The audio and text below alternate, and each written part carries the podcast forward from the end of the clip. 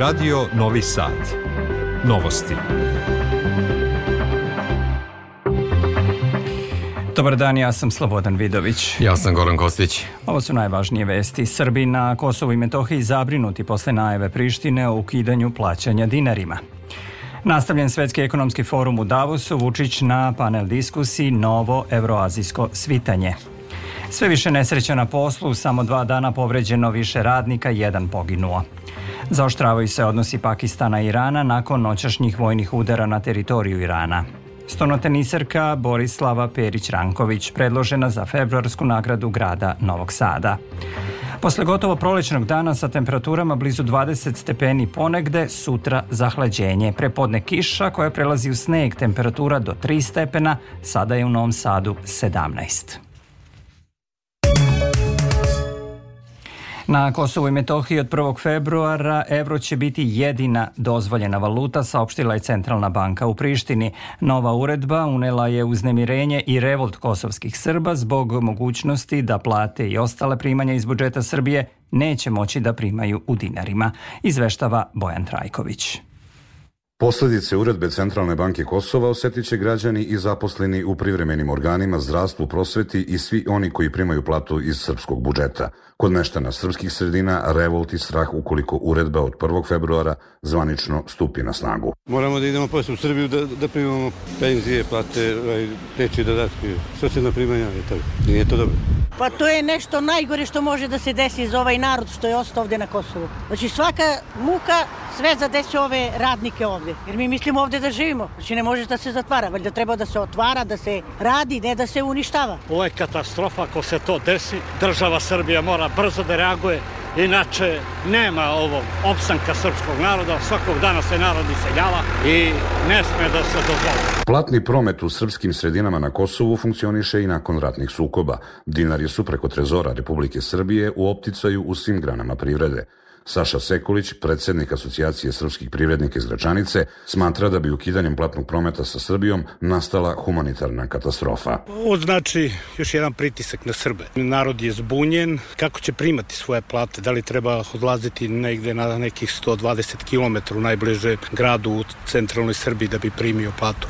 Ali šta je još jedno, kako će penzioneri primati svoje penzije? To su oni najugroženiji koji primaju svoje penzije na kućnu adresu. Centralna banka u Prištini novom uredbom reguliše uslove za promet valute dozvoljene gotovinskim transakcijama, dok se ostale valute mogu koristiti kao dragocenosti za skladištenje u fizičkom obliku ili na bankovnim računima.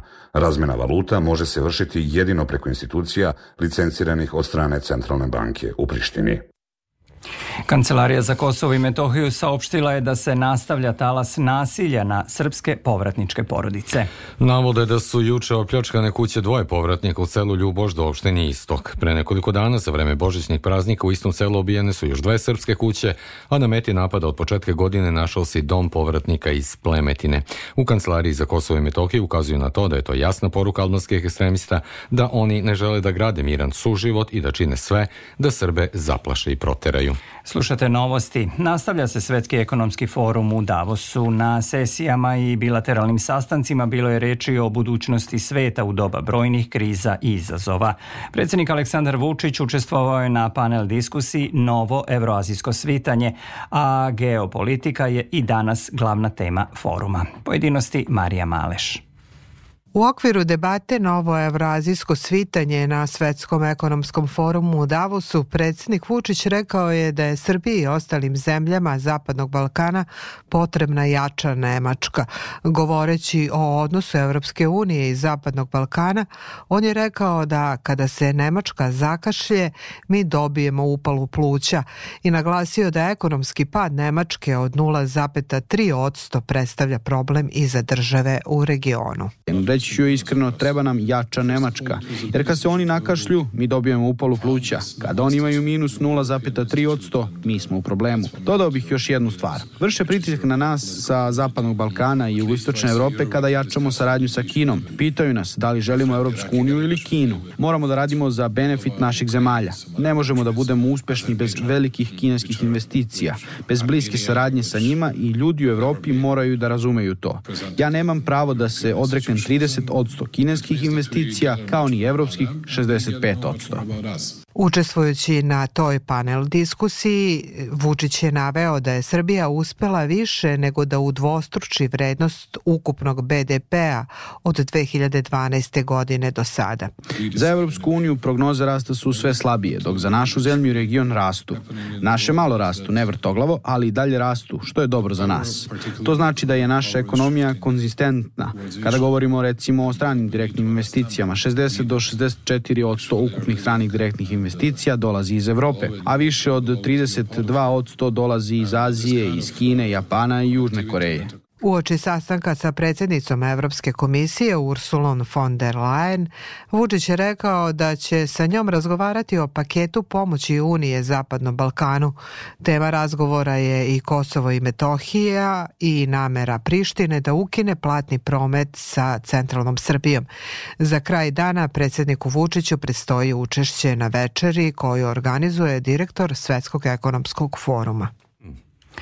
Srbija je od uvek težila stvaranju pravednijeg i boljeg sveta, izjavio ministar spoljnih poslova Ivica Dačić, navodeći da se naša zemlja i danas zalaže za poštovanje univerzalnih principa međunarodnog prava i povelje Ujedinjenih nacija. Dačić je na ministarskom sastanku u okviru 19. samita pokreta nesvrstanih u Ugandi ukazao da je na slučaju Srbije najgrublje pogaženo međunarodno pravo i poredak u kojem je suverenost država nedodirljiva, a granice nepromenjive. Zahvalili svima koji podržavaju napore Srbije za očuvanje pitanju suvereniteta i teritorijalnog integriteta, ne priznajući jednostrano proglašenu nezavisnost Kosova. Ponovio je da nećemo priznati nezavisnost Kosova, niti dozvoliti Kosovu da postane članica Ujedinjenih nacija.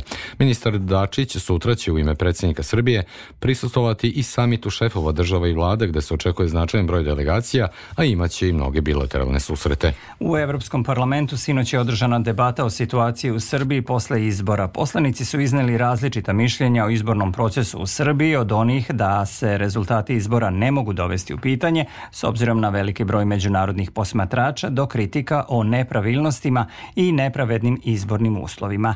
Debata će poslužiti kao osnov za pisanje teksta rezolucije o Srbiji o kojoj će poslanici u Europskom parlamentu glasati u februaru. Ministarstvo zdravlja saopštilo je da će svi pacijenti radnici fabrike Magna u Aleksincu koji su se juče otrovali od isparenja lepka biti pušteni na kućno lečenje. Pregledano je 105 pacijenata sa simptomima trovanja od kojih je četvoro zadržano u zdravstvenom centru Aleksinaca, šestoro upućeno u klinički centar u Nišu. Svi pacijenti su stabilnog zdravstvenog stanja, navedeno je u saopštenju. Poslednjih nekoliko incidenata, među kojima su trovanje zaposlenih isparenjima lepka u Aleksincu, curenje sumporne kiseline u Trepči, gde je povređeno 13 rudara, kao i pogibija radnika Kruševačke fabrike, navode na pitanje ima li država mehanizme da spreči takve nesreće. Mada su prošle godine usvojene izmene zakona o bezbednosti i zdravlju na radu, stručnjaci ukazuju na to da je poslodavcima dat rok od dve godine da mu se prilagode, kao i da bi trebalo pojačati preventivni inspekcijski nadzor nad poslodavcima, opširnije Milijana Kočić. Prema podacima Republičkog fonda za zdravstveno osiguranje, prošle godine u Srbiji je skoro 3.500 radnika teško povređeno prilikom obavljanja posla, dok ih je više od 17.000 zadobilo lakše povrede na radnom mestu. Povrede na radu najčešće su u građevinskom sektoru, kaže Ana Njegić iz Agencije za bezbednost na radu ASIP Prevent. Govoreći o izmenjenom zakonu, ocenjuje da se jednako vodilo računa i o organizacionim i preventivnim merama. Pa kada govorimo o incidentu, na primjer, trovanje hemijskim materijama, jednako ulogu imaju organizacijone mere u smislu ventilacije, kontrole prisutnosti hemijskih štetnosti i slično i preventivne mere između svega ostalog upotreba zaštitne opreme, obuka zaposlenih, redovno osposobljavanje, odnosno obučenost određenim intervalima vremena. Poslodavac je u obavezi da ima stručno lice u kompaniji zaduženo za kontrolu radnih uslova i bezbednost opreme, ističe inženjer Branislav Adžić, licencirani stručnjak za tu oblast u jednoj kompaniji. Kako kaže inspekcija je ta koja na terenu utvrđuje okolnosti i eventualnu odgovornost poslodavca. Manjkavo sistema je nedovoljno preventivne kontrole, smatra Ačić. Inspekcija u 99% slučajeva ona reaguje e, kada se dogodi teška povreda, znači kada se dogodi laka povreda, ne izlazi s tim, što to ne, ne umanjuje obavezu poslodavca da ih ne obaveštava. Dakle, e, poslodavac je u obavezi da svaku povredu mora da prijavi nadležnoj inspekciji za rad. Novčane kazne za poslodavce za koje se utvrdi odgovornost za povredu na radu uvek su bile visoke, a novim zakonom su i povećane, napomenju naši sagovornici. Ali, prema podacima javnog tužilaštva, u prošloj godini podneto je 46 krivičnih prijava protiv poslodavaca, ali samo šest nije odbačeno. Ministarka rudarstva i energetike Dubrovka Đedović Handanović kaže da je u završnoj fazi izgradnja postrojenja za odsumporavanje dimnih gasova u termoelektrani Nikola Tesla A, koje će biti pušteno u probni rad do aprila. To je kako je objasnila jedan od najvažnijih ekoloških projekata u našoj zemlji, čime će biti obezbeđen čisti vazduh za građane Obrenovca i okoline, kao i smanjenje emisije sumpor dioksida za oko 10 puta. Ministarka istakla da Srbija ima ambiciozne ciljeve u procesu dekarbonizacije energetskog sektora kao i da su potrebne nove investicije u energetsku infrastrukturu i zaštitu životne sredine. Tako bi, kaže, bili obezbeđeni novi kapaciteti za proizvodnju zelene energije, ali i modernizovane postojeće termoelektrane u skladu sa najvišim ekološkim standardima. Svet Pakistan je noćas izveo napade unutar Irana ciljajući separatističke militante, saopštilo je Pakistansko ministarstvo spoljnih poslova. Do akcije je došlo dva dana nakon što je Teheran objavio da je napao baze militanata povezanih s Izraelom unutar pakistanske teritorije. Iranski mediji navode da je nekoliko projektila pogodilo mesto u pokrini Sistan i Baluđistan koje se graniče sa Pakistanom, a poginule su tri žene i četvoro dece. Zvaničnici Pakistana navode da je nekoliko terorista ubijeno u akciji koju opisuju kao niz visoko koordiniranih i specifično ciljenih vojnih napada na skrovišta terorista. Zbog napetosti sa Iranom, privremeni premijer Pakistana Anwarul Haq Kakar prekinuće učešće na svetskom ekonomskom forumu u Davosu. Američka vojska noćas je izvela novi talas raketnih napada na položaje Huta u Jemenu. Izraelska vojska saopštava da je u protekla 24 sata ubila 60 palestinskih boraca u pojasu Gaze. U palestinskoj enklavi dalje su otežane komunikacijske veze, internet ne funkcioniše već sedmi dan. Od početka rata u Gazi ubijeno je više od 24.000 palestinaca. Ukrajinska vojska saopštila je da je Rusija sinoć lansirala 33 bespilotne letelice i dve rakete, a da je PVO uništila 20 22 drona. Reuters prenosi da je ukrajinski dron pogodio naftni terminal kod Sankt Peterburga. Ruski šef diplomatije Sergej Lavrov rekao je da je nemoguće razgovarati o kontroli nuklearnog naružanja sa Sjedinjenim američkim državama bez uzimanja u obzir situacije u Ukrajini i optužio Washington da teži vojnoj dominaciji. Prema rečima ukrajinskog ambasadora u Turskoj, traju određeni pregovori u vezi sa inicijativom za izvoz žitarica uz posredovanje Ujedinjenih nacija koja je prekinuta letos. još jedna vest iz sveta na stotine putnika zaglavljeno je u svojim vozilima na putevima u centralnoj nemačkoj državi Hessenu zbog snežnih padavina koje su prekrile autoput i koje su dovele do stvaranja gužvi i kolona vozila koje su se protezale kilometrima. U saveznoj državi Tiringi je osim snega na putu bilo i leda zbog čega je veliki broj autoprevoznika odložio svoje putovanje. Nemačka meteorološka služba očekuje nove padavine. U susednoj Francuskoj, pogotovo u severnim oblastima, na snazi ostaje naranđasti meteo alarm i nadležni apeluju na vozače da ne kreću na put. Ovo su novosti prvog programa radija radio televizije Vojvodine ponovo domaće teme. Jedna osoba je poginula, četiri povređene u saobraćenoj nesreći koja se dogodila na regionalnom putu između Bačke Topole i Bajše. Nesreća se dogodila oko 7 časova kada je teretno vozilo naletelo na putnički automobil marke Škoda koji je bio u preticanju. Poginuo je vozač teretnog vozila iz Mokrina. Protiv 19-godišnjaka iz Bajše koji je vozio Škodu, Bačko-Topolskih registarskih oznaka, bit će podneta krivična prijeva zbog teškog dela protiv bezbednosti saobraćaja. Carinici policija na graničnom prelazu Horgoš sprečili su dva pokušaja krijumčarenja. Zaplenili su telefone, pametne satove i ostalu tehničku robu, čija je vrednost procenjena na bezmalo 340.000 evra, kao i automobile kojima je ta roba transportovana vredne gotovo 30.000 evra. Osim krijumčarene robe, do okončanja postupaka zadržani su i automobili u kojima je ona otkrivena. Svake godine više od 700.000 ljudi na svetu izvrši samoubistvo. Pre suicida osoba gotovo uvek na neki način upućuje okolinu u svoje stanje. Kada se osjeti neshvaćeno i ne dobije podršku kakva joj je potrebna, događa se da se odluči za samoubistvo kako bi prekinula negativne emocije sa kojima ne može sama da se izbori. Sve načine na koje osoba pokušava da ukaže na problem trebalo bi da shvatimo ozbiljno. Opširnije Jovana Golubović. Nijedan poziv u pomoć ne treba zanemariti, čak i kada nam se čini da osoba samo privlači pažnju, posebno kada to radi na društvenim mrežama, jer je nekima od nas to jedini kanal komunikacije. Proteklog vikenda mnogi korisnike jedne društvene mreže uznemirila je objava u kojoj jedna osoba poručuje da pokušava samoubistvo. Nevena Stojanović iz Centra za prevenciju samoubistva srce kaže da kada neko privlači pažnju na društvenim mrežama znači da nema dovoljno razumevanja u najbližem okruženju. Dodaje da posebno treba obratiti pažnju na reči koje neko koristi da li govori da želi da sve nestane, da prestane taj bol, patnja, neko osjećanje u kojem je zaglavljen, kako se osjeća i da li ima tih nekih subtilnih, sitnih signala poput umoran sam, ne mogu više, želim neku pauzu ili nešto tako slično. Naša sagovornica ističe da ne treba sami da donosimo zaključke šta je najbolje za neku osobu, već da je pitamo kakva joj je pomoć potrebna, da je saslušamo i da joj pružimo ono što traži traži od nas. Komentarisanje na društvenim mrežama poput onoga da ima i drugih rešenja osim samoubistva nije preporučljivo, kaže Stojanović mi nemamo pravu sliku, pogotovo ne na društvenim mrežama, šta se zaista zbiva sa nekom osobom. Dakle, mi imamo samo delić neke situacije koja je možda samo kulminacija svega što se dogodilo.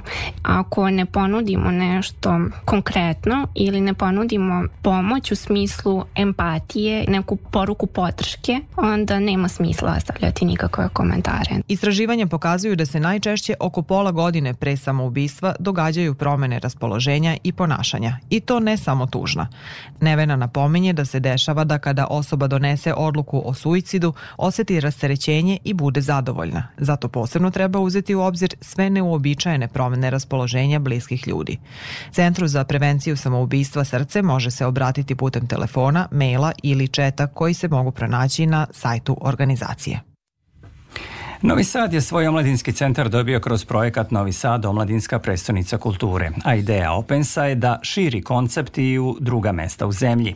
Novi omladinski centri planiraju se i grade u Subotici, Somboru, Mionici, Nišu, a koji su primarni fokusi na početku rada novih omladinskih centara za Radio Novi Sad govori koordinator Opensa Nemanja Obradović.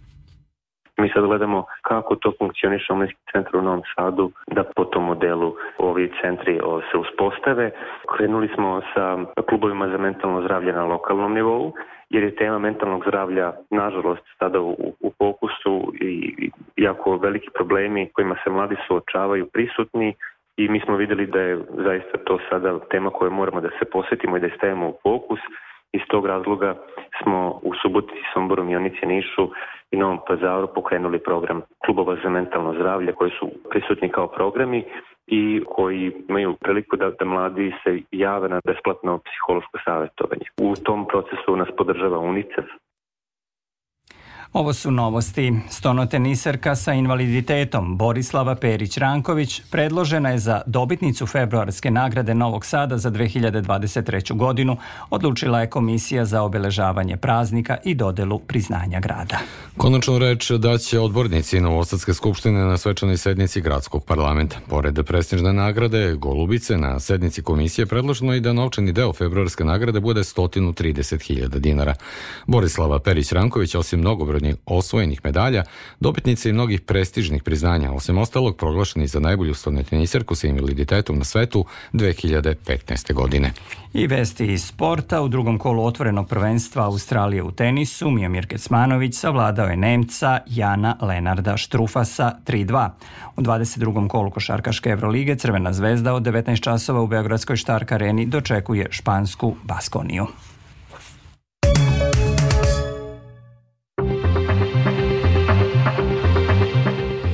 Još jednom najvažnije vesti. Srbi na Kosovu i Metohiji zabrinuti posle najave Prištine o ukidanju plaćanja dinarima. Povezivanje sa Azijom od ključnog značaja ne samo za Srbiju, već i celu Evropu, izjavio predsjednik Vučić na Svetskom ekonomskom forumu u Davosu. Sve više nesreće na poslu, samo dva dana povređeno više radnika, jedan poginuo. Zaoštravaju se odnosi Pakistana i Irana nakon noćašnjih vojnih udara na teritoriju Irana. Posle gotovo prolećnog dana sa temperaturom blizu 20 stepeni ponegde sutra meteorolozi najavljuju zahlađenje. Evo detaljnije prognoze.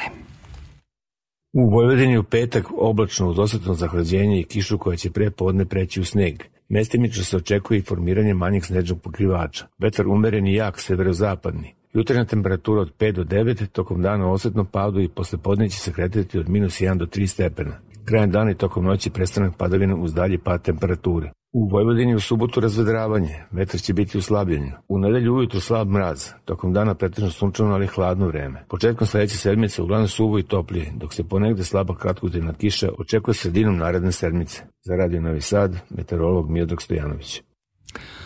Slušali ste novosti prvog programa radija Radio Televizije Vojvodine. Emisiju možete slušati odloženo na internet stranici rtv.rs gde su i sve važne informacije iz zemlji i sveta. Emisiju tonski realizovao Daniel Slimak, producent Branislava Stefanović, pred mikrofonom bili Slobodan Vidović i Goran Kostić. Sledi Radio Sport, pa vesti u 16 časova. Nakon toga možete slušati reprizu emisije u dobrom društvu.